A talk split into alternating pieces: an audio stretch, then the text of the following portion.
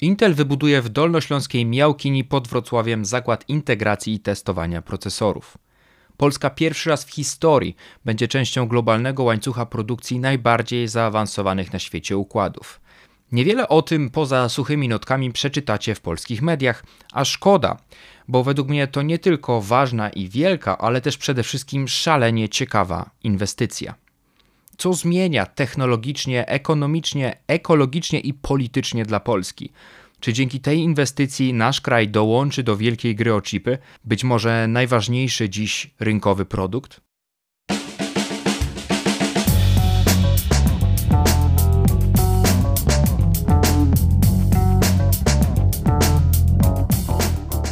Cześć, z tej strony Bartosz Paszcza, jestem analitykiem danych i analitykiem technologii. W mediach mówię i piszę też o plusach i minusach rozwoju technologicznego. A część z Was kojarzyć może mnie na przykład z poprzedniego podcastu, czyli z Ceptechu. Tutaj, e, w podcaście, w którym Paszcza Paszczą mówi o technologiach, ruszymy w podróż przez trwającą erę techniki, od pierwszej maszyny parowej po komputery kwantowe i jeszcze dalej. Zapraszam. Tak to jest, że w życiu człowiek coś sobie w końcu zaplanuje, tak jak ja zaplanowałem odcinek o roli radia na wojnie, a potem przychodzi taki przykładowy Pat Gelsinger, prezes Intela i całkowicie wywraca stolik. Po trwających dwa lata negocjacjach Intel zdecydował się ulokować w Polsce zakład integracji i testowania procesorów, który będzie kosztował około 20 miliardów złotych, czyli 4,5 miliarda dolarów i zatrudniał będzie 2000 pracowników. Cały powstały dookoła tego zakładu ekosystem poddostawców zatrudniać ma według przewidywań aż 10 tysięcy osób. Natomiast warto zauważyć, że te 4,5 miliarda dolarów zainwestowane w Polsce to tylko parę procent z całej sumy 80 miliardów dolarów, które Intel chce w ciągu dekady zainwestować w Europie. Największe z tych inwestycji e, już zostały zapowiedziane. To fabryka w Irlandii i ogłoszona dosłownie dzisiaj we wtorek, 20 e, czerwca, fabryka w Niemczech. Tam powstaną tak zwane faby, miejsca, gdzie w krzemie tworzone są, wytrawiane są tranzystory. I one właśnie na takich dużych waflach, czyli dziesiątki układów scalonych na takich dużych waflach, będzie przyjeżdżać do zakładu integracji i testowania procesorów, który znajdzie się pod Wrocławiem. Tutaj nie jest sprawa jasna, czy podobny zakład powstanie we Włoszech. Tam te wielkie wafle będą cięte, krzemowe elementy są łączone z innymi elementami metalowymi, są e, nakładane na nie obudowy, no i przede wszystkim są testowane indywidualnie. Każdy parunanometrowy tranzystor jest testowany. Testowane są też oczywiście całe układy, całe procesory. Więc czy fabryka Intela będzie po prostu montownią i jakie tak naprawdę dla nas ma znaczenie to, co zostało ogłoszone w piątek? Jak zwykle w tym podcaście, żeby dobrze zrozumieć o co chodzi, uważam, że warto cofnąć się nieco wstecz w czasie i poznać krótką historię tego, jak w Polsce produkowano chipy. Dziś wybierając się do Galerii Mokotów w Warszawie, czy jadąc tramwajem do osławionego Mordoru, żeby zasiąść za biurkiem w jednym z biurowców, mało kto wie, że przejeżdża przez tereny fabryki Teva, miejsca, gdzie w PRL-u produkowało się właśnie tranzystory, potem układy scalone i nawet mikrochipy. Ale po kolei. Pierwszy tranzystor na świecie powstał w roku 1947. Stworzyła go trójka badaczy: Bardeen, Brettain i William Shockley, który później przeniósł się do okolic Palo Alto w Kalifornii, dając zresztą początek Dolinie Krzemowej. W Polsce pierwszy tranzystor skonstruowano w roku 53, to znaczy 6 lat później. Pierwsze radia tranzystorowe, taki pierwszy publicznie dostępny, hitowy produkt zawierający tranzystory, również w Polsce zaczęły powstawać mniej więcej 5 lat po tym, jak zaczęły pojawiać się w Stanach Zjednoczonych. A teraz fragment materiału o zakładach Elwro, które znajdowały się we Wrocławiu i gdzie powstawały urządzenia korzystające z chipów, czyli po prostu elektronika. To będzie film o maszynach, które liczą same. Powstają one we wrocławskich zakładach Elwro, które od 1962 roku budują elektroniczne maszyny cyfrowe.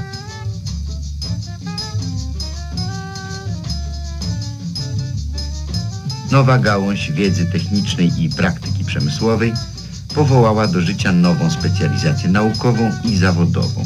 Nie ma ona jeszcze oficjalnej nazwy.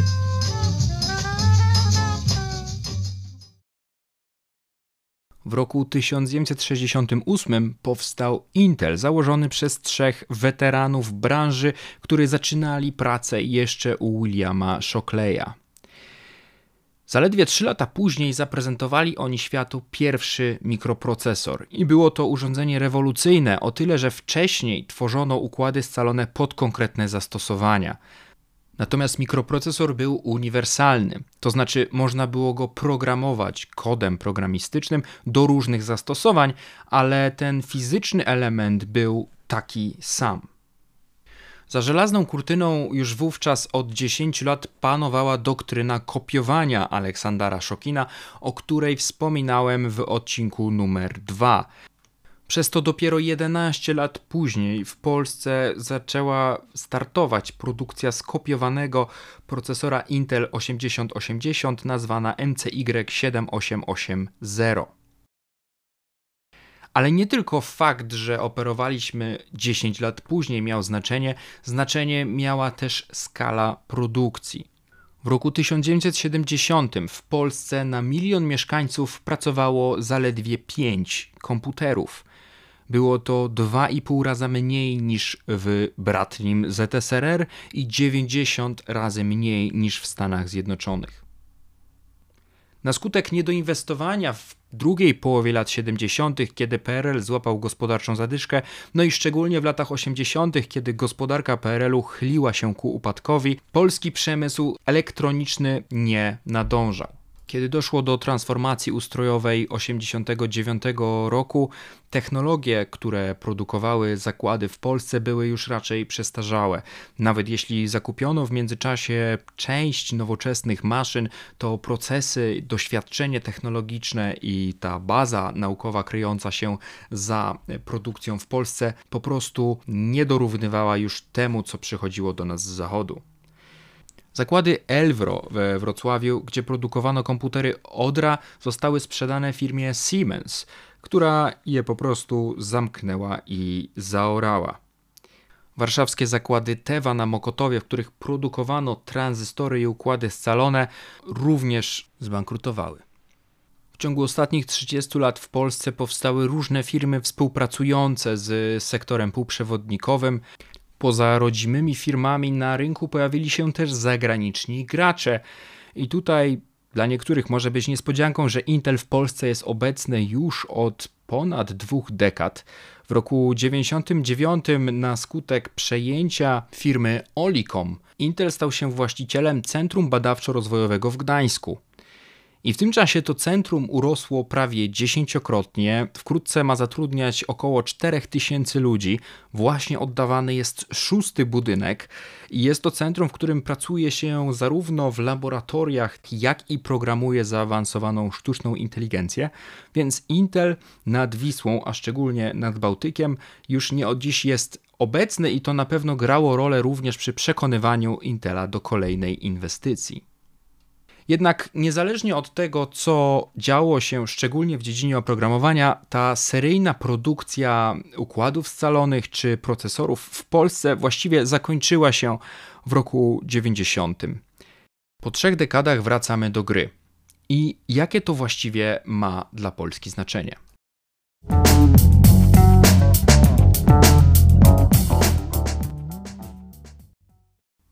Dzięki zakładom pod Wrocławiem po raz pierwszy w historii pracujący w Polsce pracownicy będą brali udział w najbardziej zaawansowanym na świecie łańcuchu produkcji procesorów. Intel, chociaż w ostatnich latach produkcyjnie wyprzedził go konkurujący z nim TSMC i nawet częściowo Samsung, które produkują już procesory 5-nanometrowe, to wciąż jest wąskie globalne podium polscy inżynierowie, pracownicy fabryki i także naukowcy po doktoratach, którzy będą tam zatrudnieni, będą włączeni w ten globalnie wiodący proces produkcji jednego z najbardziej zaawansowanych na świecie produktów dostępnych na rynku. I owszem, będą to robić na nieco późniejszych jego etapach, kiedy w krzemie już te tranzystory są wytrawione, ale to wciąż bardzo technicznie złożone zadanie. Co więcej, trzeba zauważyć, że Intel w Europie chce ulokować proces 4-nanometrowy, a więc przyszłą, jeszcze nieprodukowaną przez Intela generację, a później zapowiada procesy 2 i 1,8 nanometra. A więc chodzi o te najbardziej zaawansowane na świecie rozwiązania, które są dopiero pieśnią przyszłości. Tu jednak pojawiają się pewne wątpliwości to wciąż jest inwestycja amerykańskiej firmy, która dba przede wszystkim o swoje i ewentualnie amerykańskie interesy. Więc z ciekawości zapytałem przedstawiciela jednej z polskich firm o to, jak polskie firmy patrzą na te inwestycje. Zapytałem o to przedstawiciela firmy Semihalf, to powstała w Krakowie spółka, e, która pracuje nad oprogramowaniem niskopoziomowym, czyli tą rzadko widoczną dla nas użytkowników częścią software'u, która operuje bezpośrednio na chipach, na przykład w smartfonach, w komputerach czy w routerach.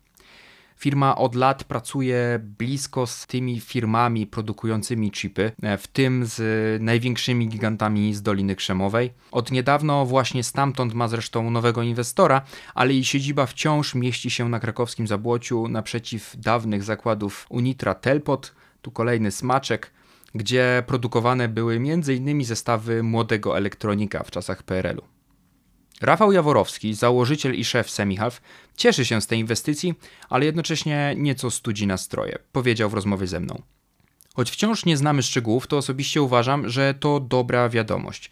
Za parę lat na polskim rynku pojawi się sporo osób z doświadczeniem, a branża półprzewodników jest niszowa nawet w wąskim świecie technologii. To też szansa na rozwój edukacji. Do tej pory projektowania chipów w Polsce się praktycznie nie uczyło. Koniec cytatu. Technologicznie jest to więc dla nas szansa. Szansa, żeby osoby w Polsce zdobywały kompetencje w najnowocześniejszej na świecie technologii związanej z produkcją procesorów. To szansa też dla polskich uczelni, żeby na przykład rozwinąć ciekawe programy stażowe we współpracy z Intelem. Ale poza tą kwestią jakiegoś ograniczonego transferu technologii, jakiegoś obycia się polskich e, specjalistów z technologią, no jest też istotna warstwa ekonomiczna.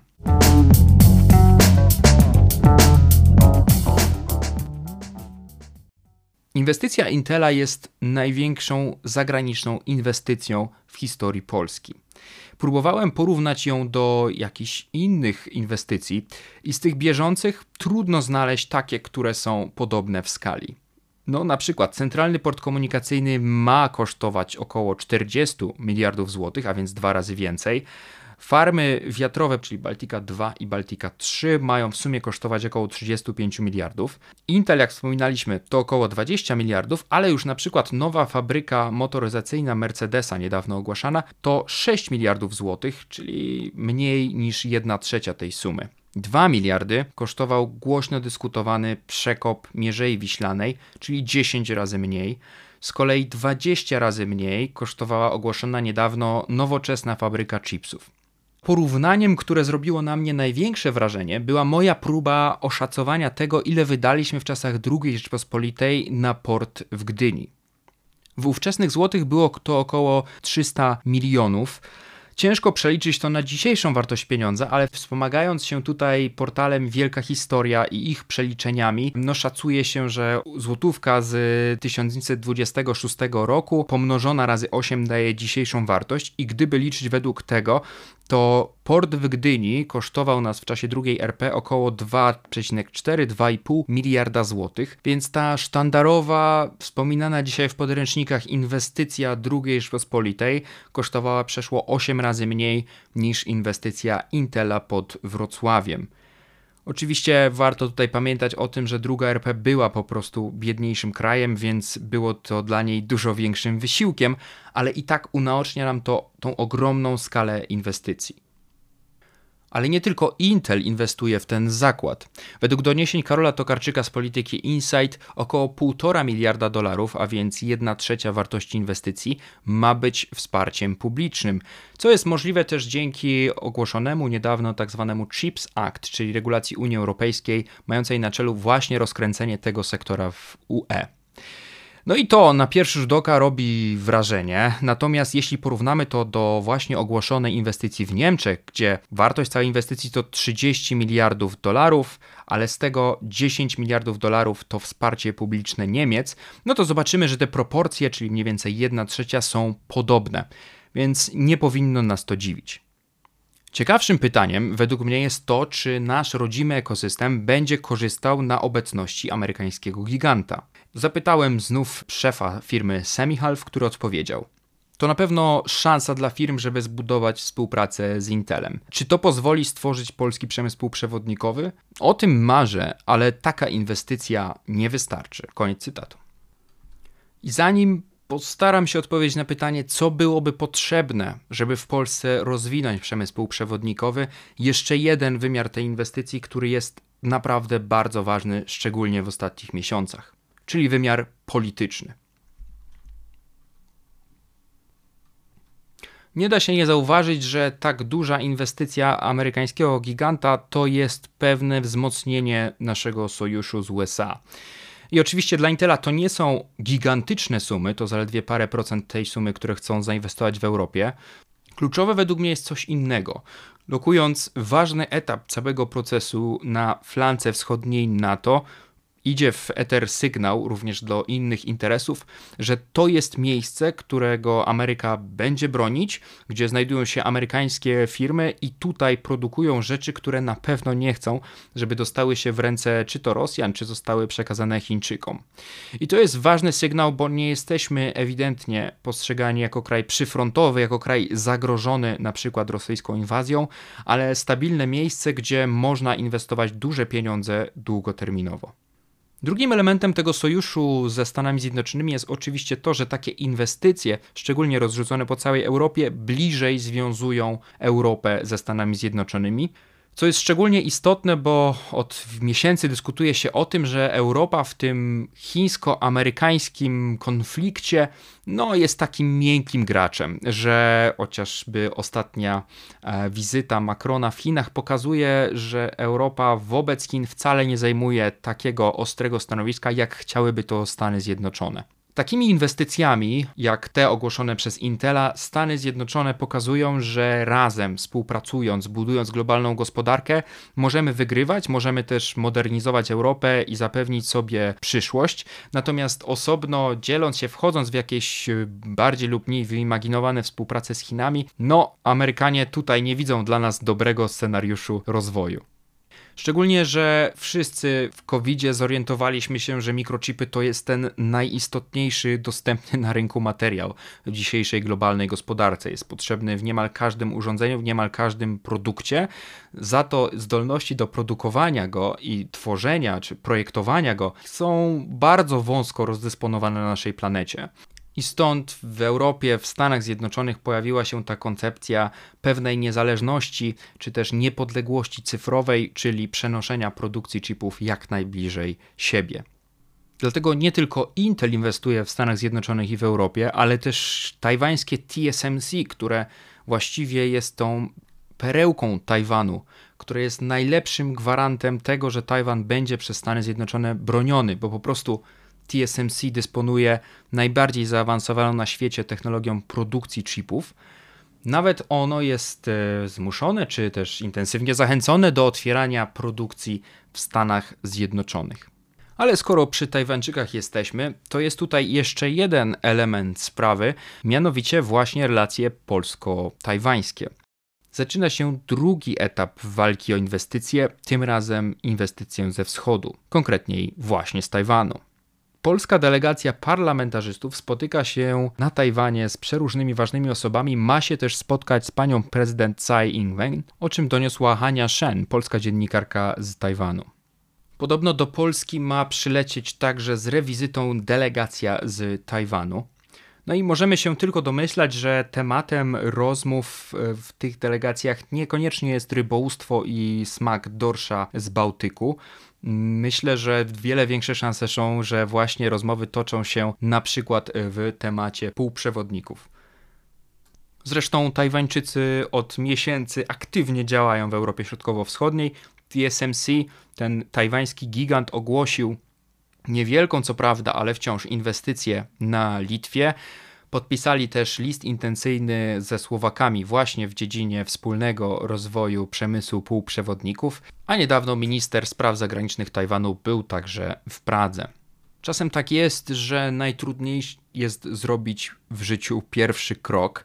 Ta pierwsza inwestycja i jej zdobycie, tutaj według doniesień polityki Insight w oczach polskich polityków ma być też takim wytrychem, otwierającym szerzej drzwi i pomagającym nakłonić innych z branży półprzewodników do inwestycji w Polsce. Jakie będą tego rezultaty, e, zobaczymy.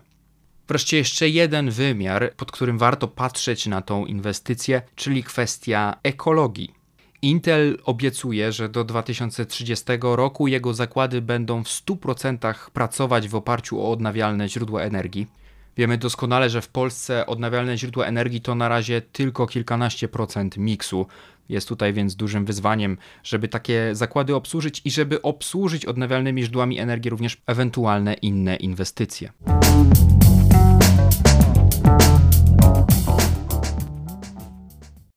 Tyle wynika z tej naszej małej analizy historii półprzewodników w Polsce, ale też analizy takiej, jaką przeprowadzają analitycy Foresightu technologicznego, spojrzenia na to, jakie skutki społeczne, technologiczne, ekonomiczne, ekologiczne i polityczne będzie mieć dana decyzja. No ale wraca najważniejsze pytanie. Czy ta inwestycja, znalezienie się Intela pod Wrocławiem, oznacza, że Polska wraca do tej wielkiej globalnej gry o półprzewodniki? To nie wydaje się takie proste. Obawy co do rodzącej się już w niektórych głowach wizji krainy mlekiem i półprzewodnikami płynącej podziela Rafał Jaworowski z firmy Semihalf, który powiedział mi: Czy to otwiera potencjał, żeby polska gospodarka stała się jakimś graczem? Firmy oczywiście będą współpracować z Intelem, ale to nie jest część jakiegoś długoterminowego polskiego planu zaistnienia w przemyśle półprzewodnikowym. Wydaje mi się, że trzeba by zacząć od początku, od planów edukacji kadr, od rozwijania badań, tworzenia ekosystemu firm, czy nawet szerszego planu ściągania zagranicznych inwestycji, żeby na końcu budować własny know-how i własność intelektualną. Tak wydarzyło się w Irlandii, Izraelu czy Niemczech. Nie oczekujmy, że inicjatywa Intela nam to zastąpi. Z inwestycji Intela, wydaje mi się, możemy się cieszyć. To jest krok naprzód w technologicznym zaawansowaniu tego, co w polskiej gospodarce się dzieje, i to trzeba docenić. To też największa w historii inwestycja zagraniczna w Polsce, i tak jak próbowałem pokazać, ta skala jest naprawdę duża. Ale jeśli nie będziemy widzieć w tej inwestycji jedynie pierwszego kroku, jeśli nie będziemy planować tego, jak zamienić ten jeden zakład pod Wrocławiem w cały ekosystem i jak wspierać rośnięcie również polskich firm, które będą brać udział w tym globalnym łańcuchu dostaw półprzewodników, to nikt inny o to nie zadba.